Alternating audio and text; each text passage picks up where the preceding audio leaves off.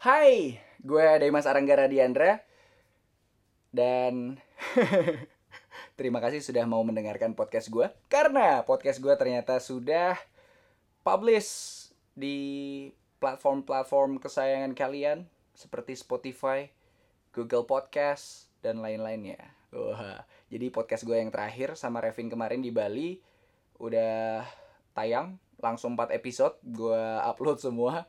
Dan saat ini gue lagi pulang ke rumah di Bandung dan ngerekam podcast episode berikutnya. Podcast kali ini mungkin agak ngalor ngidul. gue akan ke mana-mana bahasannya atau mungkin juga bakalan mengalami suatu ejakulasi dini pemikiran yang sebelum waktunya udah gue selesaikan. Oke. Jadi kali ini gue mau hmm, ngebahas suatu hal yang namanya kerangka berpikir. Kenapa gue lihat kerangka berpikir ini begitu penting? Karena memang ini bisa jadi sebuah acuan buat gue, buat lo semua dalam menilai dan juga uh, memandang suatu hal. Kerangka berpikir atau ideologi atau misalnya keyakinan, paham, ya itulah sama sama lah ya. Dan uh, berhubung hari ini juga tanggal 1 Oktober hari kesaksian Pancasila. Nggak tahu sebenarnya ini bahasanya udah gue pikirin dari kemarin-kemarin cuman momentumnya pas banget jadi gue bahas aja. Pancasila sebagai landasan berpikir untuk bangsa Indonesia. Wih, berat ya. Nggak apa-apa.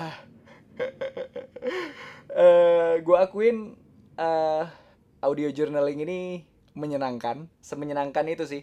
Awal-awal gue record uh, suara gue sendiri dengerin agak aneh tapi lama-lama kok ya jadi betah. 12 menit jadi 15 menit jadi setengah jam dari satu jam. Nggak tahu kali ini pembahasan tentang kerangka berpikir ini bisa jadi berapa lama nggak masalah. Kalau misalnya emang harus gue selesaikan ya gue selesaikan. Karena uh, gue entah gue belum bisa ngedit atau emang gue konsepnya nggak mau diedit edit jadi ya udah raw gitu aja. Mentah materi podcast gue nggak ada yang diedit sama sekali. Begitu di record dari awal sampai akhir nggak ditambahin apa-apa langsung gue publish. Balik lagi ke pembahasan kerangka berpikir. Kenapa menurut gue uh, hal ini penting buat dibahas? Karena saat ini gue sadarin gue nerima informasi segitu banyak dari segala macam lini dari media sosial, dari berita, dari teman-teman gue sendiri, dari orang asing yang gue temuin habis itu ngobrol, itu kan banyak banget ya. Maksudnya gimana caranya gue bisa tetap waras dalam menanggapi suatu hal kalau misalnya gue nggak punya kerangka berpikir. Pasti itu akan lari ke mana-mana, ya kan? Ketika lari ke mana-mana, gue akan mencari-cari tahu mana yang benar, mana yang uh, sesuai atau nggak sesuai. Itu dari mana lagi selain dari kerangka berpikir. Jadi uh, hal yang gue punya secara general sebagai bangsa Indonesia adalah um, Pancasila sebagai kerangka berpikir gue. Lalu permasalahannya lagi sekarang kan lagi banyak orang-orang yang menyuarakan uh, pendapatnya. Habis itu uh, dengan berbagai macam statement-statement yang menurut gue agak lucu sih. Salah satunya yang gue lihat adalah uh, kemarin ah ini ini bukan yang demo sih. Ada satu uh, yang emang gue lihat kayak kalau misalnya lu ngarepin uh, negara ini akan melindungi lu orang yang tidak menganut agama atau tidak meyakini Tuhan karena ini adalah negara demokrasi menurut gue itu adalah udah salah salah konsep pemikiran. Karena uh, di Pancasila poin pertama oh apa gue harus ngingetin nih? Satu-satu poinnya. Uh, di poin pertama itu kan ketuhanan yang maha esa ketika lu ngomongin lu nggak beragama lu nggak bertuhan ya itu salah tempat jadinya. Karena kalau misalnya lu ngomongin hal ini di negara-negara yang memang uh, sesuai dengan kerangka berpikirnya dengan uh, ideologinya ya itu nggak masalah. Tapi kalau misalnya lu ngomongnya di Indonesia itu jadi salah tempat. Sama kayak hmm, agama dan politik itu harus dipisahkan hmm, kalau lu ngomongin di sebuah negara yang memang menganut pahamnya menyetujui itu itu mungkin benar. Tapi kalau misalnya di Indonesia sendiri lu nggak bisa memaksakan paham uh, seperti itu. Karena pancasila tadi mau nggak mau lu harus ngikutin karena lu tinggal di sini. Dan juga um, ada hal-hal tunggu uh, oh kayak yang aksi balik ke aksi ini ya. Gelombang-gelombang uh, suara yang diperjuangkan. Ada yang lucu banget gue lihat. Selangkangan itu bukan urusan negara. Stop ngurusin uh, apa uh, selangkangan orang. Ada yang lucu sih permasalahan ini. Emang emang emang uh, gue lihat ada beberapa hal yang menarik terutama dilihat dari skala kecil kayak grup-grup di WhatsApp gitu. Masih masih banyak orang yang misalnya gampang terprovokasi tanpa harus tanpa sebelumnya mencari tahu dan segala macam. Emang gue bisa bilang Indonesia darurat literasi? Benar. Tapi mungkin Indonesia lebih darurat lagi dalam uh, merespon suatu hal ya kan? Ada orang yang tiba-tiba ketika ngelihat sesuatu dia langsung reaktif gitu. Nah hal-hal yang kayak gini sebenarnya yang harus di harus di apa ya? Harus harus diatasi harus direnungkan bersama gimana caranya merespon suatu hal jadi lebih baik. Ya nggak nggak reaktif. Untuk mencari tahu kebenaran dan segala macam itu nomor sekian. Tapi untuk merespon suatu hal in the first place ini yang penting menurut gue ya kan? Nggak reaktif nggak kelewat reaktif dan segala macam oke jadi yang gue lihat adalah uh, yang tadi tuh ngurusin selangkangan. Tapi kalau misalnya dipikir-pikir gue lihat lagi uh, dengan ideologi yang Indonesia punya yaitu Pancasila itu nggak sesuai sih sebenarnya ketika misalnya lu ngomongin jangan diurusin negara. Tapi emang dengan ideologi yang Indonesia punya saat ini hal itu tuh diurusin sama negara. Karena di nomor berapa tuh Pancasila? Nomor 2 kemanusiaan yang adil dan beradab. Masalah beradab ini diurus sama negara loh. Itu masuk ke dalam ideologi. Jadi ketika misalnya lu mau mengaplikasikan suatu hal yang uh, di luar adat-adat ketimuran dan itu udah melenceng jauh berarti lu nggak sesuai gitu aja. Uh, habis itu apalagi ya yang gue lihat uh, ya terlepas dari itu uh, gue bahas sedikit yang RUU KUHP yang gue tahu ternyata memang uh, hal ini udah dirumuskan kan jauh-jauh hari ya. Udah berapa periode udah dirumuskan. Habis itu uh, sampai akhirnya kemarin mau disahkan RUU KUHP-nya. Memang ada beberapa pasal yang gue lihat lucu ya, secara gambaran besar. Tapi ya nggak semuanya sih. Karena menurut gue kita butuh kita, gue, lu sebagai bangsa Indonesia, warga negara sini, menurut gue kita butuh suatu hal untuk memproteksi uh, kita semua. Hukum kan memang tujuannya untuk melindungi ya. Melindungi siapa ya orang-orang yang memang membutuhkan. Dan banyak banget narasi-narasi yang gue lihat uh, hanya ngelihat dari ya itu tadi ini kesalahan merespon sih. Jadi mudah-mudahan bisa jadi pelajaran buat uh, eh, gue dan lo semua untuk lebih baik lagi dalam merespon suatu hal. Jadi jangan reaktif, itu sih yang penting. Uh, oke. Okay. balik lagi ke pentingnya sebuah kerangka berpikir. Ah gua nggak melihat podcast ini sebagai suatu hal yang potensial untuk didengar. Tapi nggak masalah gue dari awal tadi udah ngasih disclaimer bahwa podcast ini akan ngalor ngidul atau mungkin ejakulasi dini. Aduh, Bandung saat ini masih panas.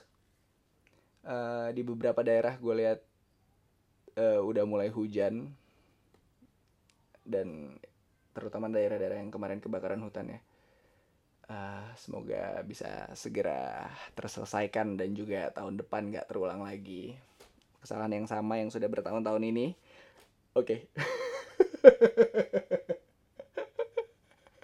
beneran ngalor ngidul. Sebenarnya sebenarnya dalam kepala gue nih ada beberapa hal uh, hal yang gue tahu ini suatu hal yang sensitif untuk dibahas.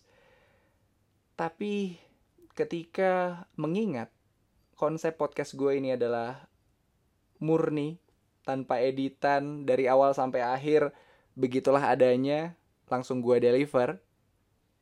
Ya akhirnya ya gini nih. Bisa ngalor ngidul dari mana ke mana nanti balik lagi ke situ gitu. Jadi masalah kerangka berpikir. Uh, kalau dalam bernegara tadi kan ada sebuah kerangka berpikir yang namanya Pancasila ya. Dan menurut gue, uh, sebagai warga negara yang baik, gue harus mencari tahu dan menelaah benar-benar kerangka berpikir yang memang harus gue ikutin. Kenapa kayak gitu? Gue gue mungkin menyamakan uh, sebuah uh, pengimplementasian sebuah ideologi ini sebagai uh, agama.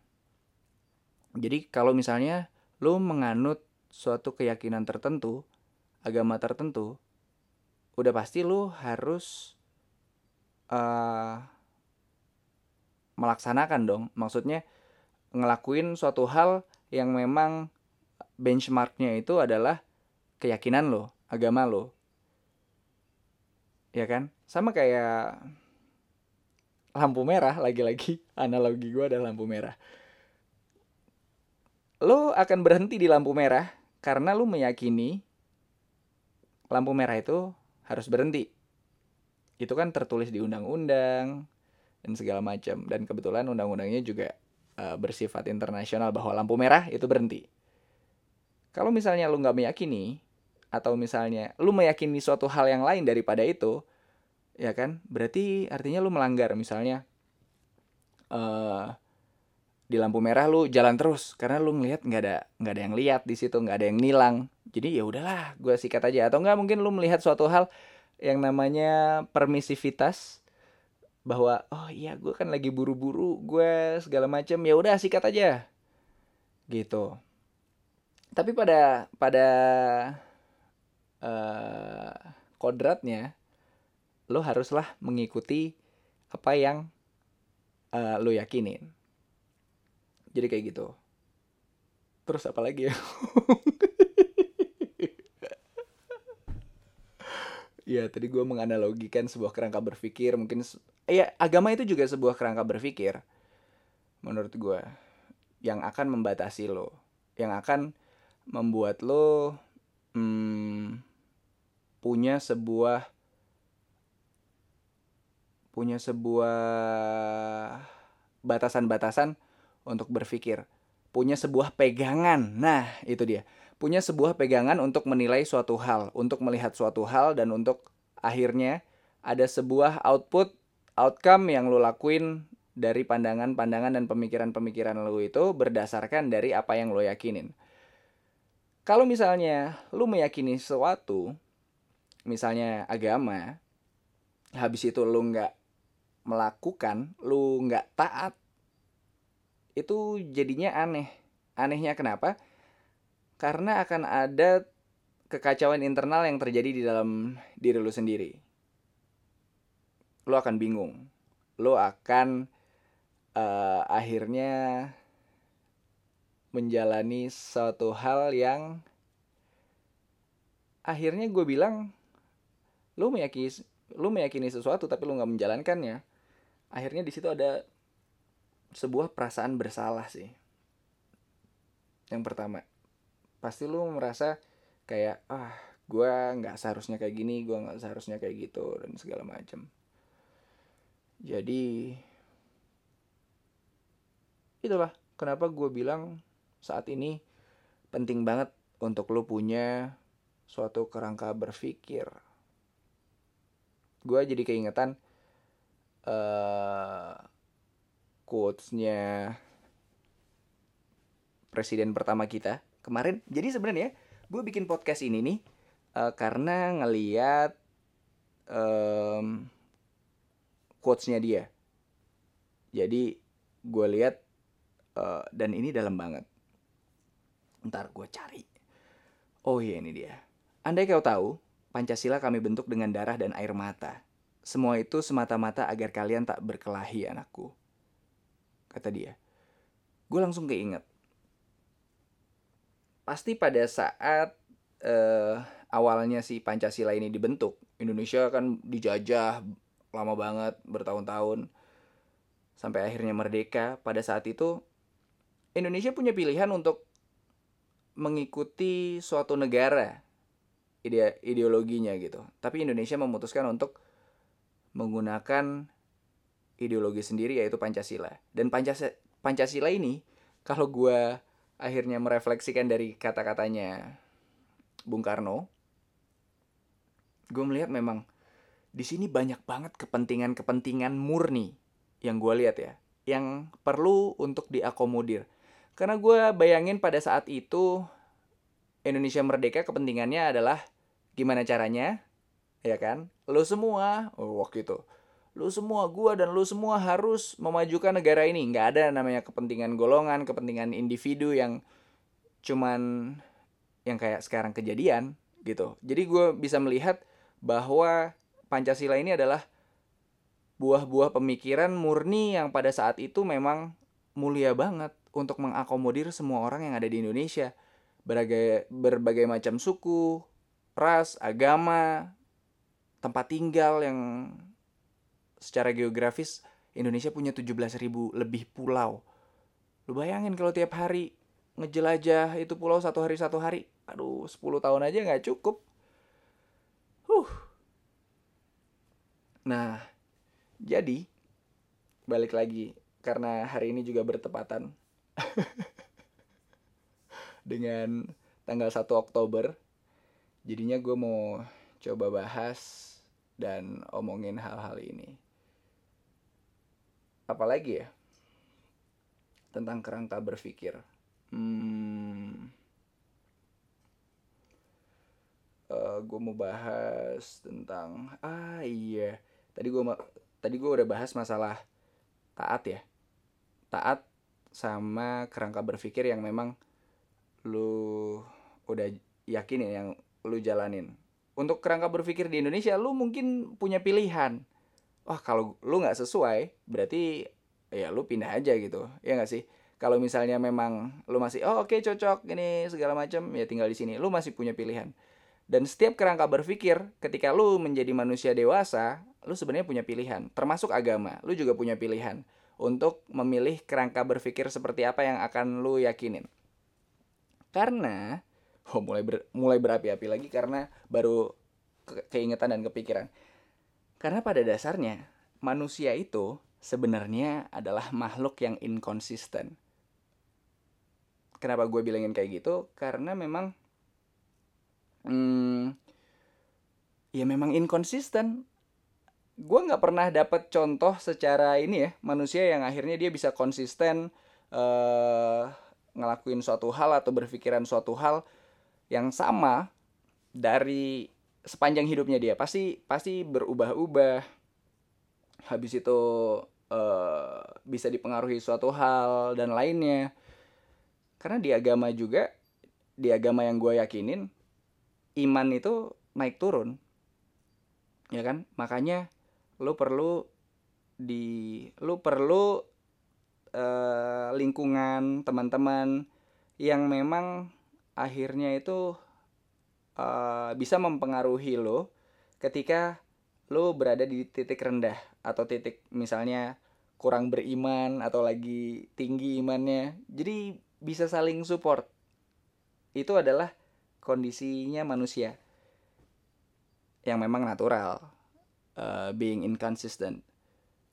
Hmm, gue punya analogi yang menarik masalah inkonsistensi ini gue melihat Pancasila uh, habis itu kitab suci itu tuh kondisi efisiensinya 100% ya kan 100% habis itu itu nggak bakal mungkin bisa dijalanin oleh manusia sebenarnya tapi manusia diarahkan untuk menuju ke arah sana. Kalau misalnya ada analogi yang menarik adalah analogi mesin Carnot. Mesin Carnot ini adalah uh, the the most efficient heat engine yang ada di dunia ini. Nilai efisiensinya uh, 60 sampai 65 65 persen efisiensinya. Maksudnya dari panas yang didapat 100% itu cuma 65%. Itu efisiensinya um, kalau gue sebagai muslim ngeliat Al-Quran itu ada di bahasa Tuhan itu ada di 100% sedangkan uh, Nabi Muhammad itu ada di 65% mesin Carnot yang menariknya mesin Carnot ini hanya ada di tulisan. Secara aplikasi ini nggak pernah ada. Jadi memang hanya tulisan-tulisan aja. Gitu. Karena di kondisi real masih banyak hal-hal lain yang akhirnya efisiensi mesin Carnot ini nggak bisa mencapai ke arah situ. Nah, itu adalah manusia tertinggi yang bisa mencapai efisiensi sampai 65% dan gak ada lagi yang lain. Manusia sisanya pasti udah di bawah itu semua efisiensinya. Nah, itu analogi gue sih.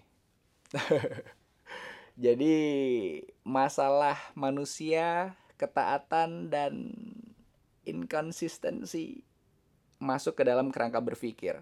Lu bayangin, uh, kenapa gue bahas ini? Lu bayangin suatu manusia nggak punya kerangka berpikir, dia sifatnya inkonsisten, nggak punya pegangan, kira-kira bakalan kayak gimana? Yang pasti internal chaos bakal kejadian sih. Udah, hmm, gue rasa itu aja obrolan ngalor ngidul gue ternyata lumayan 22 menit intinya lo sebagai bangsa Indonesia gue sebagai warga negara Indonesia harus punya yang namanya kerangka berpikir dan itu adalah Pancasila sebagai guidance lo untuk menjadi warga negara yang baik. Kalau lu misalnya mau berkontribusi sebagai uh, warga negara yang baik, mulai dari situ.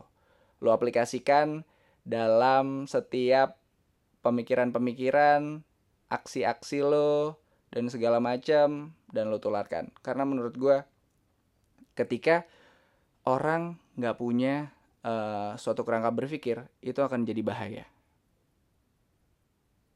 Akan uh, akan terjadi sebuah kekacauan.